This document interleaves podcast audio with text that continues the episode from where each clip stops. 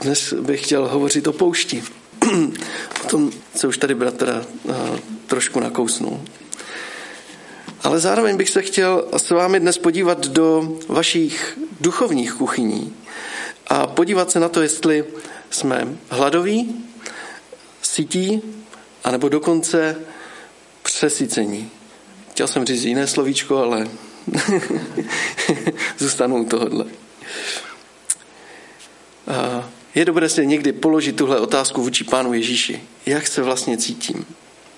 Jestli jsem hladový, což znamená, že mám nějaký nedostatek a duchovně strádám, anebo, anebo jsem sytý, to znamená, že všechno je tak plus minus dobře a v podstatě není moc co řešit, anebo jestli jsem přesycený. To znamená, když člověk je přejezený, tak často je takový unavený a, a už ho nic moc extra nebaví a uspává ho to a, a tak klimbá. Takže přesycený. A ať už jsme se našli v jakémkoliv stavu, tak bych vás dneska chtěl vzít na místo, kde se čas od času každý ocitneme. Tím místem je poušť, která nám v našem životě umí nastavit zrcadlo. A myslím si, že i poušť je důležitá a je důležité se s ní setkat. Na poušti jsme totiž konfrontováni se slovem nic. Jen písek, vítr a slunce. Já jsem teda ještě na poušti nebyl, doufám, že se tam někdy dostanu, ale takhle si to nějak představuji. Ale ono, to ohromné nic je vlastně ohromné tajemství. Jeden autor řekl, že poušť byla od nepaměti v mnoha biblických vyprávěních místem boží pedagogiky. Tedy místem, kdy člověk se měl něco naučit. A čas od času každý z nás se na takovéto duchovní poušti ocitneme. A taková duchovní poušť nás může zastihnout v jakékoliv fázi našeho života. Ale to, co je důležité, je, abychom na takové poušti obstáli. A tak pojďme se podívat eh, do Božího slova a chronologicky se na několika pouštích zastavit. Jednu poušť známe ze starého zákona. Je to poušť, na kterou byl vyveden izraelský lid. Na tuto sinajskou poušť je vyvedl pán Bůh a byl tam s nimi. A ta poušť je místem nedostatku, nouze a strádání. A asi všichni víme, jak to s těmi Izraelci na té poušti dopadlo. Několikrát reptali a dokonce se chtěli i vrátit do Egypta. Můžeme to číst a je dobré si to přečíst, protože si to člověk víc uvědomí z Exodu z 14. kapitoly 2. Mojžíšova, 14. kapitola, 12. verš.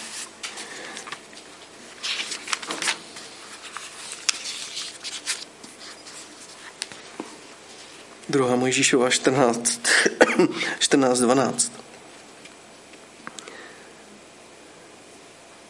Došlo na to, o čem jsme s tebou mluvili v Egyptě. To říká izraelský lid Mojžíšovi. Nech nás být, ať sloužíme Egyptu. Vždyť pro nás bylo lépe sloužit Egyptu, než zemřít na poušti. To jsou poměrně silná slova. Izraelci prožívali krizi. A určitě každý z vás někdy takovou krizi si prošel. A určitě každý vás, z vás si dokáže, doká, dokáže představit a, pod slovo krize spoustu věcí. Na poušti bychom si mohli představit nějaké os- osobní vyčerpání a nějakou beznaděj. A co myslíte, kde se dá v našem životě, v tom, čem žijeme my tady v Evropě, najít takové místo? Napadne vás něco? Tak, u sebe?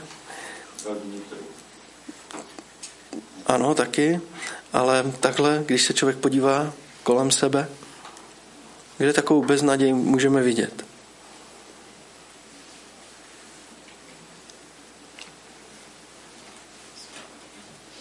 V televizi. Někdy v televizi. Uh, Turecko, to země, a Sýrie, to, to, to zemětřesení, které tam proběhlo, to, to, je, to je pro ty lidi totální beznaděj. Ztratili mnohé. Ale nemusíme chodit tak daleko. Můžeme se podívat tady kolem sebe. Můžeme se podívat do lidských tváří, ve kterých mnohdy člověk vidí beznaděj. V sídlištích, kde děti běhají a nikdo o ně nemá zájem. Můžeme se podívat do dětských domovů, domovů seniorů, hospiců, kde největším nepřítelem bývá čas. Poušť člověku zesiluje povědomí o jeho bezmoci a samotě. Ale vždycky v takovéhle chvíli je dobré si připomenout to, že na tu poušť jsme nevyšli sami. Že s námi vychází i Bůh, stejně jako s těma Izraelcema. On tam s, ním, s nimi byl. Oni ho viděli, oni ho zavžívali a zakoušeli. A přesto je to dovedlo až do takové chvíle, kdy si říkali, že by jim bylo lépe, kdyby z toho Egypta nikdy nevyšli. To je naše taková lidská zvláštní vlastnost. Nevím, jestli by se tomu dal říct nevděk. Někdy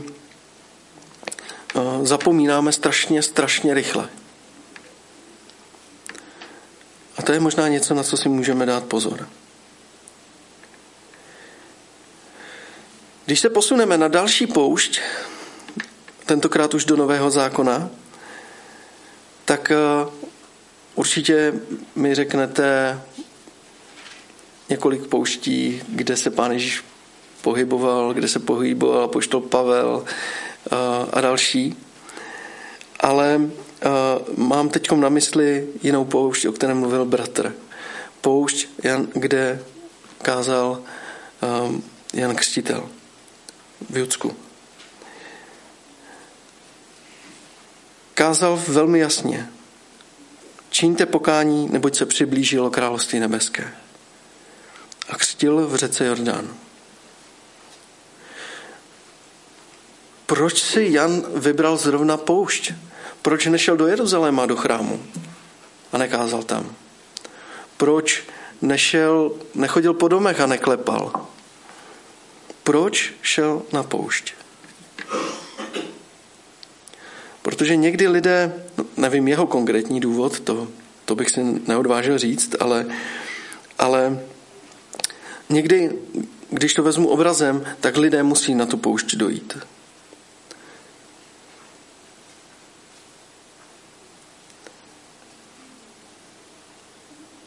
Protože někdy ta cesta Pánem Ježíšem právě na té poušti začíná, kde je člověk vyprahlý a touží se napít.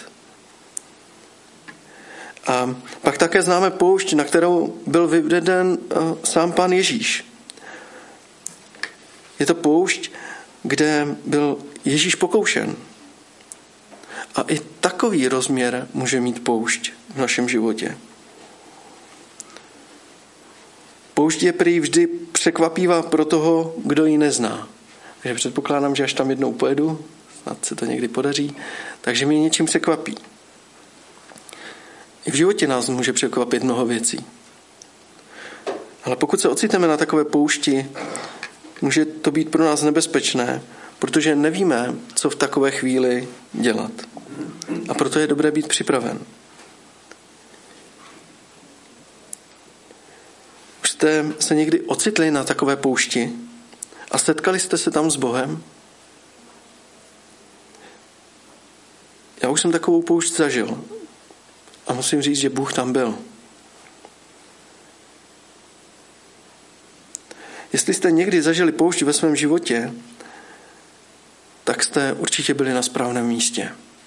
Protože to je to místo, kde člověk už opravdu nemůže moc nic jiného dělat, než jít ke svému nebeskému moci. A pokud člověk to tam nevzdá na téhle poušti a rozhodne se jít za Ježíšem, tak to bude mít nějaký důsledek do jeho života. Protože Pán Bůh vás tou pouští provede a projdeme ji až na konec. A pak to má daleko sáhlý důsledek do toho dalšího života, do, toho, do té další situace, do které nás, do které se třeba za nějaký čas znovu dostaneme.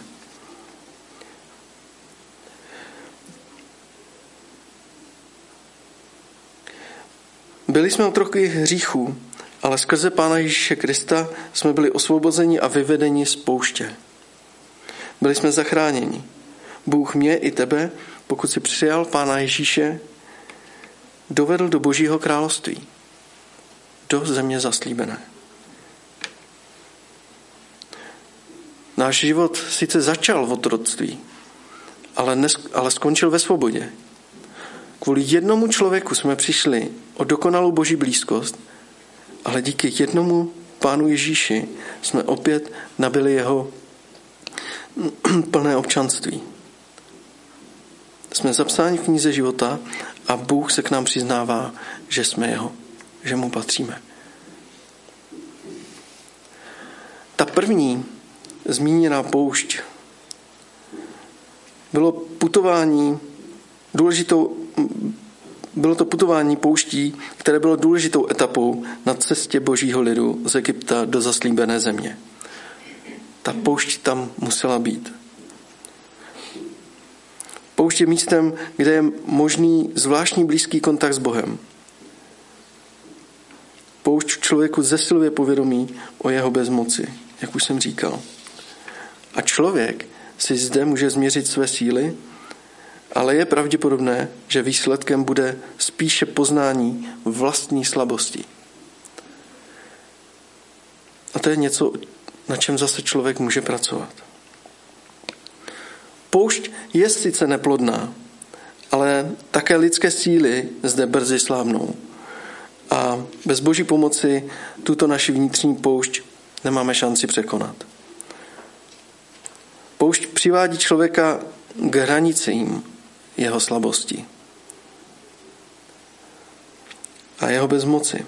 Ale na druhou stranu nás to může pobídnout k tomu, abychom hledali sílu u Boha a ne v sobě. Což se nám dost často stává. Dost často se snažíme ze svých vlastních sil vyřešit ten či onen problém. A když dorazí izraelský lid přes poušť k hranicím zaslíbené země, tak Mojžíš tam izraelský lid napomíná, aby na tu poušť, na ten čas, kterým prošli, nezapomněli. A to si můžeme připomenout v Deuteronomium, v 5. Mojžíšově, v 8. kapitole, kde budu číst od 5. Mojžíšova, 8. kapitola, od 12. verše až po 18.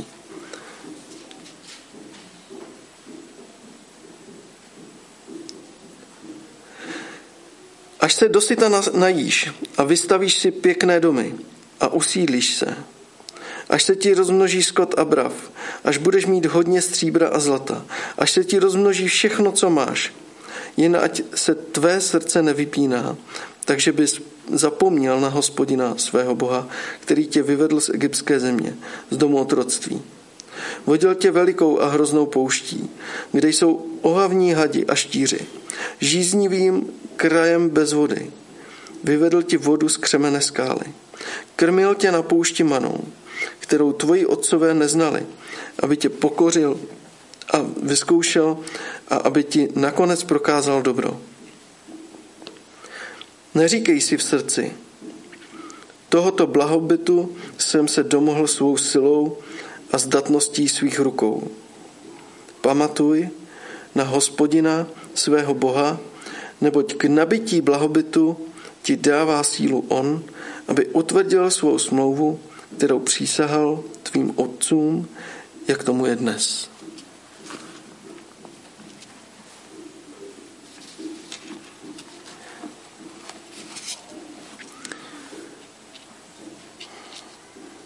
Tenhle text by šel samostatně rozebrat.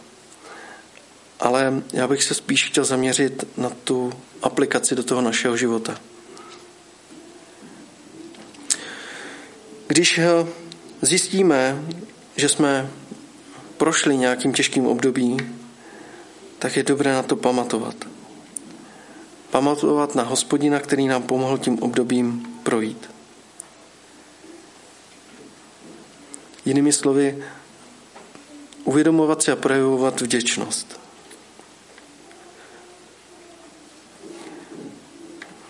Poušť Jana Křtitele nám připomíná, co máme dělat, když se na takovou poušť dostaneme.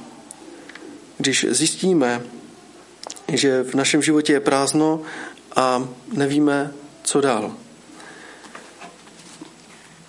V Lukáši v třetí kapitole v desátém a čtrnáctém verši nás můžou pozbudit tyto verše. Lukáš, třetí kapitola, od 10. do 14. verše.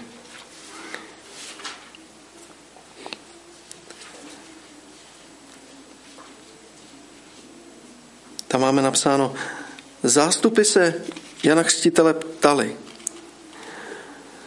co jen máme dělat?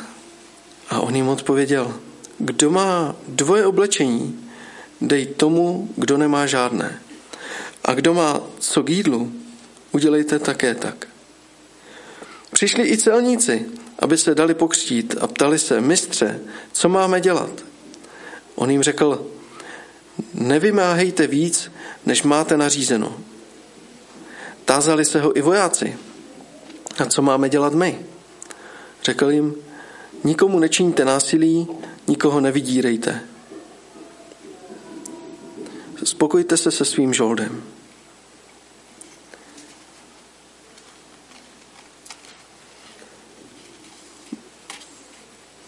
I my se můžeme ptát, co v takovýchhle situacích, když se ocitneme na takové poušti, co máme dělat. A v takovýchhle chvílích můžeme hledat, co je v našem životě špatně. A Jan tady cíleně míří na tři oblasti. Na majetek, finance a poctivost. Dělejte to, co máte dobře a spravedlivě. Asi by bylo úplně špatně, kdybychom se, za, se zaměřili a omezili jenom na tyhle ty tři oblasti v našem životě. Mohou to být úplně jiné eh, problémy, které nás dovedly až na tu poušť. Vztahy, neodpuštění a další věci. Ale pak je dobré ptát se Pána Boha, co mám dělat? To je ta nejlepší otázka, kterou Pánu Bohu můžete položit. Protože v okamžiku, kdy člověk neví, co má dělat, neví, jak z toho problému ven, neví, jak se s tím poprat, tak ta nejlepší otázka je, pane Ježíši, co mám dělat? A já věřím, že dostaneme odpověď. Ta odpověď vždycky přijde. Nikdy nevíme odkud a jakým způsobem, ale vždycky ta odpověď přijde. Takže tou druhou aplikací pro ten náš život by měla být modlitba a pokání a, a mělo by se to stát naším, naší součástí našeho života. Někdy můžou být takové ty otázky, proč se, takové poušť, proč se taková poušť vůbec v našem životě objevuje. Proč to Bůh dopouští? A možná dostaneme odpověď na tuhle otázku na té třetí poušti na třetí poušti, která není o nic jednodušší než ty dvě předchozí. V Evangeliu můžeme číst, že poušť hraje důležitou roli i v životě Ježíše. Čeká ho velký a těžký zápas. Bude to opravdu náročné, jak duchovně, tak duševně i fyzicky. Ježíš je vyváděn na poušť Duchem Svatým. A to je taky dobré si někdy uvědomit, že ten Duch Svatý i v tomhle tom hraje roli. I ten nás někdy může doprovodit na tu poušť. A Ježíš byl vyveden na poušť ehm, ne proto, ehm, pardon,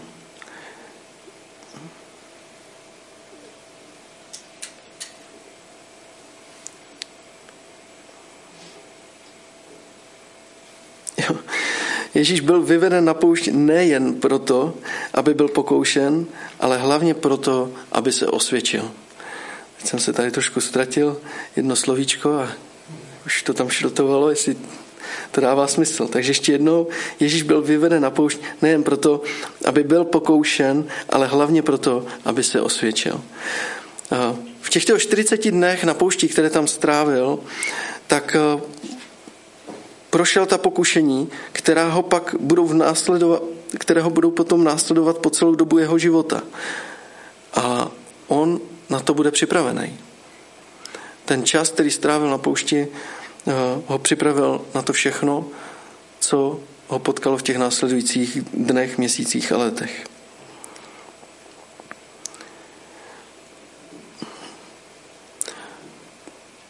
Taky nám to dává obraz v tom, že každé poušti se můžeme nějakým způsobem postavit ve jménu Pána Ježíše Krista. Člověk, který je vyveden na poušť a není na ní sám a uvědomuje si to, tak si může být také jistý, že tou pouští bude nějakým způsobem proveden. A pak nemusí ten zápas prohrát, když se svěří do božích rukou. Mně se moc líbí to známé podobenství, určitě jste ho už slyšeli mnohokrát, ale já bych ho ještě jednou přečetl, protože to je podobenství, které nádherně vysvětluje to, jak Pánu Bohu na nás opravdu záleží a jak jsme pro něho vzácní.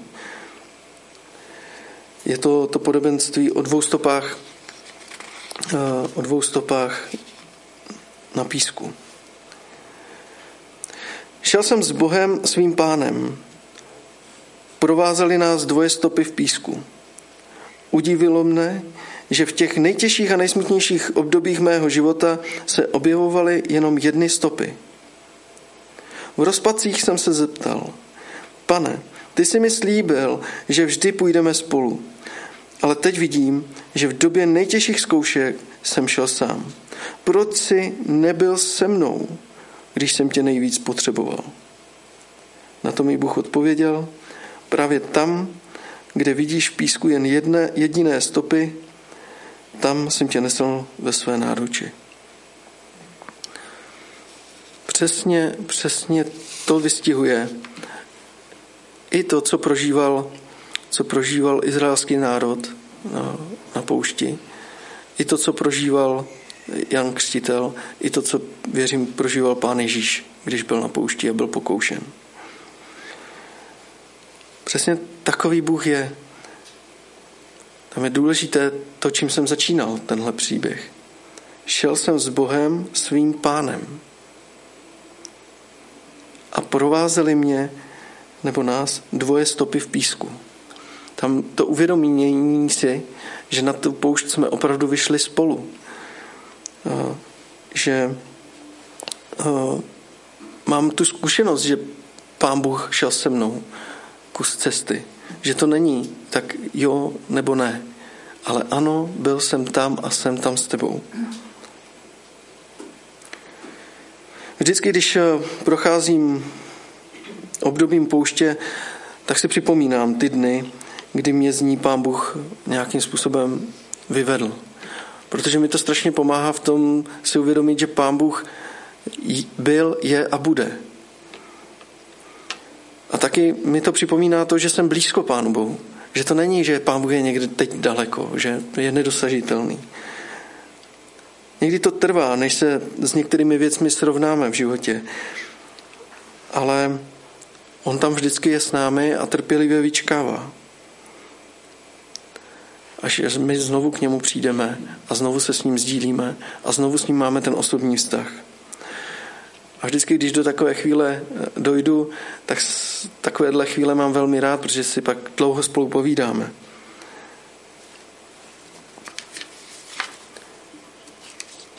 Takže ta třetí aplikace z téhle třetí pouště je čti Boží slovo, aby ti bylo posilou v ten pravý čas.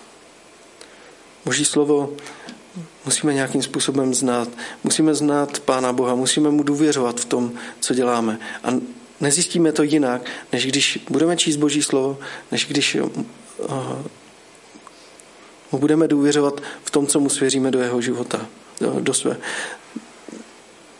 Víte, co chci říct? Svůj život, jo. Můj závěr pokud prožíváš období pouště, z které ti Bůh dal výjít, nezapomeň. A připomínej si tuto poušť vždy, když se dostaneš na další, aby si i z ní vyšel posilněný. Pokud si na poušti, hledej v modlitbě a pokání cestu ven. A pokud přichází pokušení do tvého života a vzdaluješ se od Boha, tak čti Boží slovo o tom, co Ježíš pro tebe udělal, aby ti to bylo posilou v pravý čas. A pokud jsi hladový, zastav se a mluv s Bohem. Ukáže ti cestu. Vzpomeň si na to, že v tvé velké prázdnotě, v tom slovíčku nic, je schováno jedno velké tajemství, které ti Bůh chce prozradit. Bůh říká, já jsem tady s tebou. Pokud prožíváš období zaslíbené země, seš sytý v plné síle, zde díky Bohu a ptej se, na jakou poušť můžeš přinést vodu. Je tolik potřebných a nikdy není pozdě. Stačí výjít z těchto dveří a otevřít svoje srdce. A jak pak je psáno v Izajáši ve 40. kapitole v 29. verši, on dává zemdlenému sílu a dostatek odvahy bezmocnému. Nejsme v tom sami.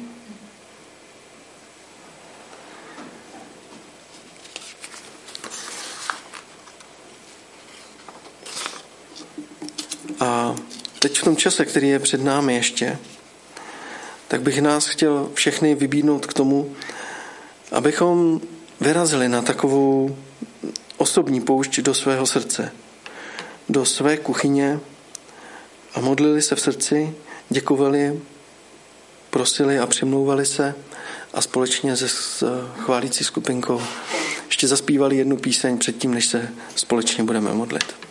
Amen.